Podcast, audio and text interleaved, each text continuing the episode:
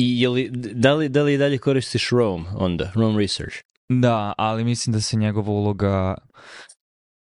ono, i, i izrafinisala u, u, smeru toga da je, pošto mi je dalje povezan sa Zoterom, znači kad skidam radove, stavljam nove reference tu i ok, kad radiš neki lit search, mora sam početi malo da eksperimentišem i sa pisanjem beležaka ručno i pravljanjem indeks kartice za to. Um, I drugo, task lista za neke redovne stvari, pošto ono, imaš tagove stvari i lako se povezuju, da sad ne pričam vezano za posao. Um, i repeti, repetitivne sastanke, mm -hmm. mislim da mi je za to ok, ali čak i sada sam počeo beleške sa sastanaka, pogotovo oni koji su jednokratni sastanci da se dogovaraš nešto s ljudima ili pričaš s ljudima, da hvatam na, na karticama i onda ih prebacujem, ono, malo ih preradim, pa onda napravim karticu koja je ono beleški sa tog sastanka i onda imam u okviru projekta, pod znacima navoda, većeg nizing kartice da su neke njih ono, beleški sa sastanaka koje onda mogu da se dalje prebace u stvari koje se dogovorio sa ljudima ili stvari koje trebaju za follow-up i onda to posle prebaciš u nešto sledeće. Ali to su fizičke kartice da, koje imaš, da. ne, znači Room se i stvari koje treba da bude sveobuhvatna i sve aspekte bla bla pretvorio u šta task manager i reference manager manje Mahom, više. Da, mislim da je to. Ali čak i ni to nije, mislim ono, to je ono, ono jedna stvar koju sam kao ono uh, višegodišnji, sad možda čak i više decenijski uh, Znaš, on kad se slušao Merlin Mann i 43 Folders, on, on, taj, on je i tekako, pošto nisa, je ima ADHD, očigledno mm -hmm. dovoljno ozbiljan, um, da i on sam prepoznao taj obrazac tinkeringa, gde ono svaka nova sjajna stvar koja izađe ti je jako privlačna i mislim da u stvari ono što ti je privlačno najviše svih stvari je blank slate, samo što mm -hmm. toga nisi svestan psihološki, mm -hmm. zato što sve stvari koje uh, počinju da budu manje manje efektivne i nisi našao dobar način da ih održavaš, uh, prema njima počeš da razvijaš ono, uh, ono rezistenciju psihološku i onda nova sjajna stvar koja izlađe će ti rešiti sve probleme, znaš, ono, um, što se tiče tvo, efektivnosti i efikasnosti u tvojim zadacima i onda shvatiš da to nije istina i onda kad se to ponovi dovoljno dugi niz godina, onda ono, malo, meta veština koju sam počeo da razvijam je e,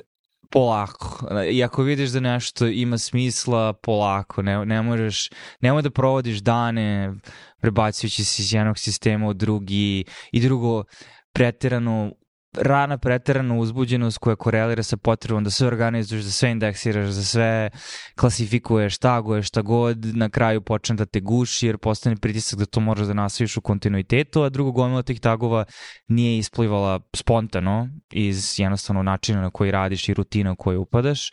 I od svih sistema do sada, evo zadnjih par meseci već, indeks kartice su možda meni barem najprijemčivije za to, zato što ono, prvo što kad ih prebaciš kroz ruku lako možeš da uvidiš obrazce i onda polako možeš i njih da taguješ. Najkorisnije stvari naravno ono staviš datum u ćošak i onda imaš i ono datum, godina, mesec, dan, ali ni to nisam forsirao previše nego kako, kako su stvari išle i onda čak nisam počeo ni da pravim ove klasifikacije ovih tabova između dok nisam vidio aha imam dovoljno beležaka sad vezano za ovo, znači ovo je nova stvar onda, nije, nije kao da sad moram unapred da određujem kategorije, nego kategorije se same stvore. Um, eto, to je ukratko. To me, to me podsjeća, na, i, i ja sam sad imao isti, isti, skoro sam video, uh, bože, uh, program koji se zove The Brain, ne znam da li si čuo za The Brain, mm. ali to je UR uh, UR program za, za ono, produktivnost i organizaciju i za backlinkove UR. i za vezivanje originalni prvobitni, znači Aha. postojao je pre sredinom 90-ih. Sećam ga se još od sredine 90-ih ili kasnih 90-ih. Nije Superman. Na, na Windowsu 3.1 uh, ili biše bio Windows 95, jedan od toga, bio je 95 ti godina je postoji i dalje postoji. Znači nastavili su i izgleda skoro identično i ono povezivanje koncepata i od toga praviš baze itd. itd. I sad sam skoro gledao i video, ja vidi koliko su funkcionalnosti ubacili, a šta ako? I onda sam sebe zaustavio, ne, čekaj, čekaj, čekaj probao si im pre 20 godina, očigledno ti nije iz nekog razloga funkcionisao. Šta fali Devon Thinku za digitalne stvari i indeks karticama za fizičke stvari? Mm. Koliko ćeš više dobiti ako koristiš to uh, u poređenju sa tim da samo sedneš i isprazniš sebi mozak u alate koje već koristeš. Jer to je ono što si ti rekao, imaš, imaš dobar osjećaj, ali to je više zato što si posvetio vremena razmišljajući o, o stvarima koji ti se motaju na umu, zato što imaš taj novi program u koji će da staviš, a možeš isti efekt da postigneš ono, brisanjem svega što imaš u postojećim programima i samo to gledaš kao na neku novu stvar u koju, u koju prazniš mozak. Tako da, kao što je nekada na, na starim ono, 486 kompjuterima bila potrebna defragmentacija hard diska povremena, tako je i nama potreban neki vid uh, defragmentacije i pražnjenja, uh, pražnjenja stvari koje nam se motaju na umu. Tako da je to, to je privlačnost tih, tih programa. Da, i mislim s druge strane, barem za mene, koji ono, naš doslednost je jako bitna i što je sistem sam po sebi komplikovaniji, to ono, ti je neophodna veća doslednost da bi on funkcionisao pre nego što postane neredi i gori od bilo čega što si imao pre toga. Um, a ta doslednost podrazumeva dosadne rituale nedeljnih um, reviewova koji ono te onda i podsjećaju na stvari koje nisi završio i zašto nisi završio i onda te psihološki boli i mnogo je lakše Sad ovaj deo koji ti nećeš razumeti, ali znaš, uglavnom uh, pozitivna um, kako ono, positive reinforcement, sigurno ima adekvatan prevod, nego sa ne mogu ono u psihologiji, ali pozitivno uslovljavanje možda, ali nije tačno uslovljavanje, jer uslovljavanje je ono direktno vezano samo za nervni sistem, a ne i za psihološki aspekt. Um, te dovede u, mislim, dovede u situaciju da nemaš dovoljno tih pozitivnih lupova i onda nekako ti sistemi prerastu u nešto što ne voliš više, a ono što sam shvatio u stvari veliki deo svega toga jeste to je ono it's a bug, it's not a it's, it's, it's a feature, it's not a bug u smislu da bitno je da sagledaš gde si sve ispustio stvari u toku nedelje da bi kad bi pravio plan za sledeću nedelju morao da um, imaš jasniju sliku o tome šta je realno za postizavanje i drugo gde gubiš vreme ili gde, gde, gde gubiš pažnju neadekvatno i I opet to nije kao da to nisi znao na intelektualnom, ono, ako hoćeš propozicionalnom nivou, ali kad saznaš to na participatornom nivou, na nivou kako se, kakav je taj osjećaj, šta to znači za, za tvoj osjećaj sebe u, u protoku vremena. Um, ono što hoću da kažem, mislim, u cijeloj digresije da indeks kartice mnogo lakše razvijaju te lupove, zato što prvo treba ti više vremena da ih i napraviš, zato što ti treba više vremena da napišeš rukom nešto, tako da samim tim trudiš se da stvari koje već stavljaš budu a, koliko toliko isfiltrirane kroz tvoj mozak pre nego što ih staviš na papir. Um, I onda, mislim, iz druge strane, pošto su fizički u prostoru, lako ih premeštaš, lako ih pomeraš napred, nazad, levo, desno, u prostoru ih raširiš, lako prebaciš jednu karticu ako ne kako izgleda u novu i onda baciš tu prvu. Tako da ima dosta stvari koje meni barem uklanjuju te barijere da razviješ neke osjećaj gađenja ili ono ne, odbojnosti prema, prema celom tom sistemu, zato što sistem nije sistem sam po sebi, nije autoritativan sistem opresije koje to ono ne znam, ono, fragmentiše tvoju pažnju na način na koji ti doživljaš kao Mislim, to je nešto što ti sam sebi radiš, samo nisi, mnogo, mnogo si manje svestan toga kad su to digitalni programi koji imaju u sebi ugrađen dizajn, koji ima određenu strukturu koju moraš da pratiš, ali ovo je kad nešto ti sam pišeš, zapisuješ izgrađuješ, shvatiš da je to mnogo više organski i, i prirodno i na kraju, mislim, možda je deo toga da ono, svi sazrevamo u svojim 30-ima i ono, mozak ti malo ispori i, i ok si sa tim usporavanjem. Stvari, Mogu to da je, potvrdim. No, no. Uh, to me podsjeća i na ono, uh, treba da se trudiš, ok, izaberi jednu stvar, ne mora da bude 100% optimalna, ali mnogo će bolje za tebe biti da se držiš te jedne stvari jer imaš imaš kumulativno tokom godina će biti sve vrednija i vrednija, nego stalno da se da se prebacuješ na na marginalno poboljšano poboljšanje, ali ali ne dobiješ taj kumulativni efekat. Kao kad su u pitanju ono međuljudski odnosi, ljudske veze i to, možeš stalno da tražiš uh, marginalno poboljšanje za partnera, prijatelje i tako dalje dalje, ali, ali mnogo, mnogo bogatiji sadržaj je kada dozvoliš da se, da se kumulativno gradi iskustvo. I drugo, to, ta marginalna optimizacija ili možda čak ono hiperoptimizacija je na nekom nivou iluzija. Mislim, opet, iz različitih razloga, jedan njih, eto, znači imaš osjećaj no, no, novine, novotarije i kao prijatelji, daleko toga da nije, nije problem u, u sistemu, problem, problem si ti sam, ali treba da nađeš sistem onda koji će ti usmeriti ka tome da vidiš gde su, gde su ti problemi. Onda, uglavnom, mislim da sa ovim indeks karticama to, znači što nisam imao dovoljno a, nekog spoljašnjeg pritiska za hiperoptimizaciju i možda malo povučen iskustvo, nego ok, ajde vidjet ćemo kako ide. Ono, I par puta kad bi imao neki impuls, o, ajde sad da napravimo ovu kategoriju, da napravimo, rekao, ok, pusti, znači imaš dovoljno sad kartica, tu možeš brzo da prelistaš kroz njih, nije toliko haotično i onda kad se nakupi deseta kartica oko nečega, ok, onda ćemo to sve da svežemo ili možda neke od ovih kartica više nisu ni potrebne, nego ih samo držiš tu, ajde prođi kroz njih. Tako da, um, hoću kažem na nekom nivou, sam proces recenzije, ono, reviewa nedeljnog koji i, imam je sad opet i svakodnevan i onda ti manje imaš barijere da na kraju dana prođeš kroz neke od kartice ili na početku dana da prođeš kroz neke kartice. Tako da sad se radujem ono prvom pomodoru gde uh, prođem kroz karticu od juče i kao vidim šta, šta nije odrađeno, šta je ostalo da se odradi, prebacim u novu, strukturišem dan, definišem dan, jer onda ne ulaziš u dan sa nekom prkom zbrkom, odmah odgovaraš na mailove, tu si pre sastanka, nego ono, imam par sati sada da, i onda tih narednih par sati pre početka stvarno svog tog busy worka je ono što je vredno i mislim ovo je otkrivanje tople vode, ali svako dođe u nekom trenutku meandriranjem do toga. Mislim da znam šta o čemu govoriš kad kažeš sadržaj kartica, ali kad kažeš sadržaj kartica, šta, je na tim karticama? Da, da, pa to je ono što jedna od kartica koja je počela samo da isplivava, koji se oni imaju kao sa strane u različitim sveskama kada stvari poput Thingsa i Roma su počele da postaju previše ono komplikovane je dnevna kartica, znači u smislu koje su glavne kategorije zadataka za taj dan, tipa klinički, administrativni, istraživački projekti, onda ličnih par stvari koje hoćeš da završiš ili toku dana na poslu ili kad se vratiš kući. A, tako da su to neke kategorije koje su isplivali, onda time tracking, znam da si radio time blocking, meni Pomodoro odgovara zato što je ne znam, uvek mi je odgovarao, ovaj, tako da to je kao ta dnevna kartica stvari koje si isplanirao za taj dan. A to opet izvučeš, mislim, i onda je povremeno isplivala i nedeljna kartica koja je ono projekti kontinuirani projekti koji imaju krajnji ishod koji isplivavaju na njoj i onda a, koje su stvari za tu nedelju koju želiš da uradiš i onda prebacuješ se te na dnevne. I... Ali sve to nekako išlo, nije bilo kao namera, sad ću da napravim nedeljnu karticu, nego par puta se desilo da sam, ok, ajde kao par stvari zaostalo u ovim projektima, ok, stavit ću ih na nedeljnu karticu, neke od ovih stvari su manje hitne, neke nisu ni toliko bitne i onda jednom se napravi nedeljna kartica, onda sam počeo da ono, u uglu stavljam nedelja 41, nedelja 42, 23, šta god, i onda sad postoji kategorija nedeljnih kartica. Um, ali sve to išlo nekako opet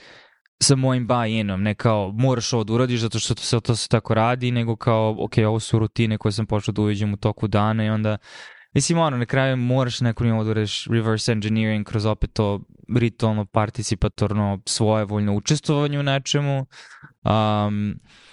nego da to bude kao, ok, ovo je sistem, ovako pravimo, pratimo pravila sistema, ovako su nametnuli guru iz sistema, ovako je u knjizi GTD, mislim koja je opet sam po sebi možda najbolja knjiga na tu temu jer je vrlo onako bare bones i principi važe koji god sistem da koristiš, ali ono, build a second brain, šta god, ono, sve, sve te stvari da. modernih gurua, no taking sistem. Sleep da, da, šta da. je Niklas Lumen radio pre 150 godina? Šta pa ne? isto što i mi sad radimo, samo što svako ima neki svoj sistem, jer ono, imam indeks, indeks je uglavnom datum, datum uh, i možda naslov kartice koje je glavna kategorija i posle postepeno isplivavaju druge stvari. Ali to je ono, mislim da tendencija da forsiraš sistem na stvari je suštinski ono kao neka meta veština pogrešne tendencije koja onda preti da uruši ceo sistem. Ha, ha, ljudi koji grade Babilonsku kulu. Mislim. A, a hoćeš li onda, da li, da li koristiš nešto treće za, za ono, task management, da li koristiš i dalje Things, OmniFocus, nešto toga ili ti je Roam plus index kartice sve što ti treba za, za uh, task management? Pa da, imam Things i dalje, ali Things mi sad više postao kao inbox zato što je zgodno na telefonu da ih ubaciš i više kao sad neke reference kao uglavnom gomila stvari su mi tweetovi koje sam sačuvao u Thingsu. Da, ne znam zašto. Znači, to, znači to je... koristiš ROM koji je pravljen za organizaciju beležaka, koristiš za task management, a task manager Things koristiš kao bookmarking da. alat, A. Okay. Zato sam na kraju došao do kartice kao rešenje, očigledno. A, zato što imam, imam tu odbojnost da stavljam stvari sa Twittera u ROM i zato se nagomililo stvari, zato što onda imaš osjećaj da treba napravim novu bazu u principu koja će biti samo za tweetove, jer ROM je uglavnom za posao i onda ne želiš ono da kad radiš cross reference sa radovima koje čitaš da ti isplivavaju kroz reference, mislim, ono, spicy tweetova. Osim ako ti tweetovi nisu najmenjeni za posao, ali ovo su uglavnom ono, hobi stvari i interesovanja. Ok, po onome što mi govoriš, čini mi se da bi, da bi kartice mogle da zamene i Roam i Things za stvari koje ih koristiš. Da li si razmišljao o tome da uh, beležiš stvari na kartice dok čitaš radove? Da, da, pa napravio sam par. Um, ali opet to je ono što sam odlučio kao, znači neću da forsiram. Znači neću sada da budem ok sad svaki dan kad čitam rad, nego jednostavno ako bude išlo i ako budem osetio da diferencijal, ono, znači da u trenutku donošenja odluke osjećam da on energija aktivacije zapisivanja na karticu manja, krenuću i ako se naprave pozitivne povratne sprege, nastavit ću. Pa radova sam izvadio na karticu, ali opet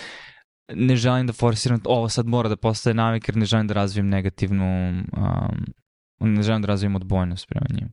To je veliko pitanje šta želiš da izvučeš i da staviš na papir i ili da staviš u digitalnu bazu kada čitaš rad. Jer recimo čitaš neku studiju prva faza ili druga faza i da li treba samo da znaš ok, prvi i kada, prva i kada upotreba ovog leka za ovu indikaciju bila je tada i to je taj rad i to je ono što recimo zapišeš na karticu ili želiš da kažeš ok, bilo je uh, glavno neželjeno dejstvo je bilo to, response rate je bio taj i želiš da uđeš u detalje u podatke gde bi digitalna baza verovatno bila bolja. Ja bih rekao da sada je verovatno ima više smisla rediti ovo prvo, da imaš ono blagu ideju koji rad se čime bavi, jer kad ti treba konkretno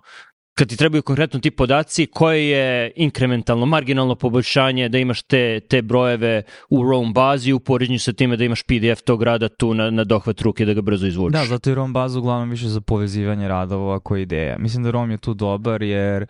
um, kad integrišeš sa Zoterom, znači imaš autore koji sami postanu svoji notovi, imaš Uh, časopise koji postanu svoji notovi, ako želiš da se baviš tagovima u Zoteru, što ne trudim se da radim to previše, opet mislim da to samo više pravi konstrikcije nego što te oslobađa, ali u jednom trenutku kad počneš da kumulišeš radovi drugo što Zoterorom, onda sam integriše stvari poput um, um, site SCIT i uh, tako tih par nekih meta engine koji ono, ili ne znam, connected papers ili stvari poput toga koji onda ti daju i otprilike radove sličnog iz polja, tako da je dobar kada pretražuješ literaturu, kada organizuješ svoje misle oko nečega, kada pokušaš da ono skupiš radove u konglomerat stvari. Ko to ako ih ima dosta. Mislim, do, sve to možeš odraditi sa karticama, sa zahteva barem u prvom prelazu mnogo više namere i pažnje da počneš da organizuješ to, ali nije slučajno da će to, mislim, biti glavni način na koji će čitati radove u budućnosti. Kada imaš skup radova, kada, kada radiš tu pretog literature, koliko obično PDF-ova koji je na jednu temu, koliko ih ima obično, koji je broj? O, pa baš zavisi. 5, 6, zavisi da li pišem revijski rad 150. ili pišem diskusiju. Ne, nije sigurno 150, mislim, zato što to je onda nije, nije održivo. Mislim, ali recimo ako pišeš diskusiju sad se fokusiraš na deo koji se tiče određenog aspekta kao sada, znači oko 10 do 15 radova koji cirkulišu tu koje onda filtriraš dalje šta će biti citat. Razlog zašto pitam je um, jer, e, da li si čuo za Project Tailwind, Google-ov, uh, sad zovu NB Notebook ili tako nek da. su ime, ML Notebook ili NL Notebook, mm. kako god. Uh, u beti sam, I jako je dobro, jer za sada 10, ali uskoro nam se 15 20 PDF-ova ćeš moći da uploaduješ i to su ono mhm. radovi i onda je to baza za odgovaranje na tvoje pitanja preko LLM modela. Znači imaju LLM koji za učenje ima ko zna šta u pozadini, ali fokus je na tih desetak radova koje si mu, koje si mu poslao, što bi pokrilo verovatno 99% uh, upotre onoga zašto ti koristiš ROM ili zašto misliš da bi ti ROM bio od pomoći? Da, ali to je sad ono pitanje... Um, znam, zato što mislim da smo tu, to je nešto čemu sam maštao ono pre dve godine kad sam video, prema što izašu chat GPT, šta GPT može i da ti možda istreniraš stvari na određenim tekstovima i onda bukvalno da vršiš upite nad tim. A, I bio sam, a, dok sam pisao taj rad, a, što bi bilo dobro da sad mogu sto ovih radova da stavim ovde i onda da mu postavljam pitanja i da mi on pomogne u strukturisanju. S jedne strane, dobro je što to nije bilo dostupno tada, zašto ipak je neophodno da razviješ određene veštine čitanja i, i, i razumevanja, a sa druge strane, moje iskustvo, ajde, pogledat ću, mislim, Tailwind, ali ima beta, čuo sam ono, mislim da u junu su imali taj keynote kad su to izbacili, to je prva stvar koja mi je pala na pamet. Mm -hmm. um, ali ono, sad isto GPT izašao sa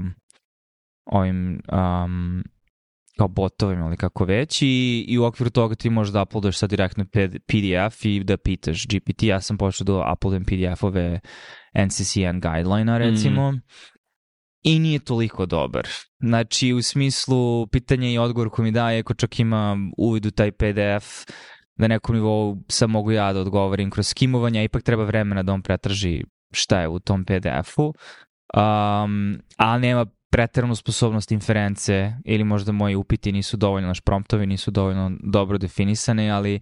ne, ne, ne vidim naš ono da pomaže mnogo više, ali, ali to je sad taj nivo da je, to je kao da imaš recimo studenta medicine koji je tak počeo i, i, i ovaj, da čita radove i ono, koji može ti odgovori u roku 10 sekundi na neko pitanje. Tako, I mislim da će to biti neki nivo integracije buduće. Samo jedna opasnost vezana za to je što mislim um, više opasnosti, ali ogledano u tome da čim delegiraš određeni kognitivni deo rada na, na, na, na, na mašinu, nisi svestan u kojoj meri šta gubiš time. Mislim, ono priča gospodara prstenove tehnologije, ali Uh, s jedne strane, da li gubimo onda veštine razmišljanja i da li ćemo praviti sve više bullshit radova. Uh, ako imaš već nekog iskustva u pisanju i razmišljanju, naravno mislim da, da što je ono moment stvari poput digitrona ono, i kalkulatora su skroz ok, znači nema nikakvog benefita u tome da ti možeš da ono množiš brojeve u glavi ono petocifrene mm. za tebe, ali što se tiče ono distilacije literature i uviđanje recimo da jedna linija koja nije glavna linija rezultata i ona neka figura u suplementu koja opet znači mislim da LLM-ovi još nisu na tom nivou da mogu da prave tu vrstu poređenja među radovima. I tu mo mogu papir i olovka da ti pomognu, jer uh, cilj čitanja rada u budućnosti možda neće biti ok, ajde da, da zapišem koji je response rate na ovo, koje one očigledne da. stvari, već zapisuješ stvari za koje možeš da pretpostaviš da LLM neće moći da poveže i onda ti to ispovežeš i onda imaš oba, imaš ono, nešto što bi, ne znam, student medicine ili neki srednjoškolac pametni mogu da ti čas proveri i uradi, imaš to, kao LLM i ono što ti svojim iskustvom i znanjem izvučeš iz tih radova i to je onda broj tih činjenica bit će 0 do 3-4 po radu, ne više od toga. Svakako eh, jedna indeks kartica je dovoljna za sve, možda čak možeš na jednu indeks karticu da staviš pet radova, mada ne bi trebalo, trebalo bi jedna po radu. Tako da da imaš oba sveta, to je to i mislim da smo ako ne već tu, ono, u sledećih šest meseci tu smo, to, to je ono, na dohvat ruke. Da, i mislim da je to opet kao sa, sa, sa uvođenjem bilo kakve nove tehnologije, um, razvijanje stava, zdravog stava o tome koje su prednosti, koje su mani, kako to treba adekvatno i izbalansirano integrisati dalje, jer ono, to je, to je nekom idealnom sistemu, ali lako mogu da vidim sada kako ćemo, mislim da smo već sad u tome, pogotovo što gomili istraživačkih grupa, pogotovo u inženjerskim domenima ili domenima gde mogu da se baviti već sad koriste sve ove. Drugo, postoji čitavo novo tržište, ne znam, Elicit, uh, ima nekoliko sad tu aktera gde ili koriste GPT ili imaju svoje neke LLM-ove i pretražuju Scholar ili PubMed a, koji ti prave distilaciju stvari, ali onda i dalje čim malo zagrebeš ispod te površine, mislim da ono veliki jezički modeli naravno ograničen si na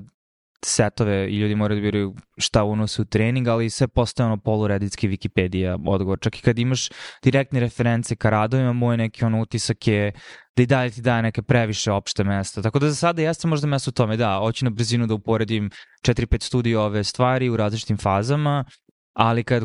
tražimo GPT-a recimo da a, čak i stvari koje sam ja napisao kao malo se vežbam iz ezama, ili kao ne, bukvalno sam radio sam Journal Club prošle nedelje, kao ajde probamo, bacio sam taj rad u GPT, bio fazonu, ajde radi ono critical literature appraisal, uh, prođi kroz sve ovo i na kraju stvari koje on spomenuo, mislim on, ono šta god, uh, su bile opšte mesto ono gde su se autori rekli ograničenja ove studije su to i to i ne znam možda studija nije bila doja power znači neka jako jako opšta mesta bez bilo kakvih nekih vrlo očiglednih stvari koje su bila mana studije. Kao što sam rekao, bistri srednjoškolac ili student medicine što može da ti kaže to će moći i LLM. Ne, da, to je on. Samo, mislim, možda kažem, opasnost svemu tome što svi smo mi ljudi, svi smo skloni optimizmu i bla bla. Hoću kažem, i lako mogu da vidim koliko ljudi mogu da se izalude time i onda da uh, ne, ne pravi svaku tu vrstu distinkcije. Jer i sada kad pričaš na Journal Clubu, niko ne čita te radove sa tolikom dubinom, redko se desi. Ili osim ako nije baš nekog koga zanima ili u polju ili bio raspoložen da utroši malo vremena pa da se otvori diskusija, onda je to uvek dobar Journal Club, ali često se desi da i sada Zar nije razočaravajuće bilo tvoje iskustvo Journal Clubova generalno i, i na velikim institucijama u smislu češće nego ne uh, shvataš da ono, on, vreme, pažnja, trud su ograničeni, ne postoji ne znam kakav nenormalan kriterijum koji možda u nas ono traumom ubačen na medicinskom fakultetu gde ono kao moraš nenormalno da se trudiš vezano za sve uh, i onda kao de, uvek, uvek se obrati pažnje kad neko se stvarno potrudi onda se mm. otvori diskusija. Ne znam koji je tvoj utisak. Ali. Mislim da je to ogledalo institucije, jer za ono ko, ko vodi Journal Club, čak i ako, čak i ako samo daje slajdove sa, sa tabelama i ilustracijama iz, iz tog rada, ako su u prostoriji ljudi koji ono kritički razmišljaju sve i da nisu pročitali rad, e, imaće komentare, moći će da povežu sa prethodnim iskustvom, drugim radovima, da, da daju neku konstruktivnu kritiku. A, ali ako je neko nezainteresovan i proverava telefon i odgovara na mailove, onda da. I u, I u tom smislu da bitno je ko vodi Journal Club, jer da li može da minira publiku dovoljno da oni gledaju ono što je na ekranu, a da ne gledaju svoje telefone ili laptopove. To je, to je glavna stvar. Jer mislim da generalno, čak i u NIH-u, naročito na NIH-u, Naročito. Ima ljudi koji mogu da daju konstruktivnu kritiku ako malo uključe mozak, ali su zatrpani administrativnim porukama i, i mailovima i onda je teško, teško, ih, teško je ubediti ih da, da ne odgovaraju više na mailove nego da obrate pažnju na, na jednog fellowa koji, koji priča o tabeli 2 koje god studije. Da, i mislim da on, barem iz mog iskustva, pogotovo kao neko ono, prethodnih par godina često i radio to kada pozoveš ljude na diskusiju ili sam napriješ komentar dok prezentuješ rad, mislim da to ljude, pobudi malo ljude jer onda nije kao iščitavanje rezultata, nego već ti onda stvaraš prostor u kome onda drugi ljudi mogu. Drugo, pogotovo ako ti sam si spreman da ono kao izblamirano kažeš nisam siguran, možda ovo glupo zvuči, ali ova stvar mi je ispala, to onda mislim da smanjuju barijere, jer mislim da isto veliki pritisak ljudi ne žele da budu i to ono i, i ljudi u akademiji su ljudi i, i pogotovo kada si tako kad imaš ni, ni, hoću kažem, ne postoji veliki benefit od same diskusije, osim same diskusije, u smislu, ako praviš, kako postaneš sa tački gledaš kao on, game theory, kao zašto bi učestvovao u tome u smislu potencijalan benefit, da ne znam, osjećaš dobar utisak, osim ako nisi rezident na rotaciji i sad želiš da dobiješ pismo preporuk ili tako nešto, ali ako si neko ko je tu, ima te svoje administrativne zadatke, ne postoji veliki benefit, osim da stvaraš atmosferu dobre diskusije koji kontinuirano ima kumulativni benefit, ali mnogo je veći rizik ako kažeš nešto, a nisi u potpunosti procenio da li je to dobro ili ne i onda te neko poklopi i onda kao vidi kako sam ispao glup. I iako to verovatnoća da se tako nešto desi jako mala, iako i da se desi nije ništa strašno, mislim da ljudima sam taj inicijalni ta inicijalna stvar daleko smanjuje verovatnoću, osim ako nek postoji neka atmosfera dobre volje kao ok, diskutovati i lupati gluposti, jer na kraju dana možda svi imaju to pitanje u svojoj glavi i to ono, iznenadiš, odeš na Asko i vidiš da niko ne postavlja vrlo očigledno pitanje na stvarima koji su keynote-ovi. Mislim, onda kao, ok, ako je ovo paradigma toga kako treba da izgleda konferencija u kliničkoj onkologiji i ako ne postavljamo ta pitanja, gde se onda postavljaju ta pitanja? Ne, postavljaju, ne postavljaju se ta pitanja na ASCO annual meetingu, postavljaju se na manjim konferencijama gde se ljudi više međusobno znaju. I na manjim konferencijama, ali da, ljudski aspekt je primeran, to je ono, što niko ne želi ni da ispadne sa svojim kolegama na internacionalnom s kojima će jednog dana potencijalno sarađivati, da ispadne um, negativan ili kako god, ali to je možda malo i američka kultura što se to doživljava kao, ne znam, neki pretrani lični atak umesto poziva na diskusiju. Mislim. Apsolutno lični atak. Ja imam kao... Uh, još kad sam bio resident, neki attendant mi je nešto rekao, ja sam rekao ok, i neko drugi mi pogledao Amerikanac kao ovo vidi kako je vikao na tebe, kao ovo nije vikanje, ovo je normalan razgovor. Ima, imaju jako nizak, nizak prag da nešto nazovu svađom i, i vikanjem, to, to nije mi baš najjasnije. Pa da, mislim da su te kulturološke razlike ono, možda i uh, remnanti, ono, ostaci puritanske kulture i tabu tema i kodova pričanja, onda moraš sve da čitaš između redova i onda mnogo više energije trošiš to da provališ gde si ti u hirarhiji ili ono koja je tvoja reputacija, umjesto da ono, postoje jasniji način iskazivanja svega toga, ali tre, postoje trade-offovi, mislim, ima i pozitivnih stvari u svemu tome, jer onda Znaš, po drugi trade-off je da imaš profesora koji viču stvarno na svoje studente i da je to okej. Okay. Tako da i to smo doživjeli, tako da nije ni ta kultura, postoji neka sredina da je, da je to dobro, ali do određene granice. I ta sredina je po definiciji tamo gde smo mi sada. Da, kad voziš autoputem, svako je ko vozi brzo je manijak, a svako ko vozi sporo je idiot, tako da da.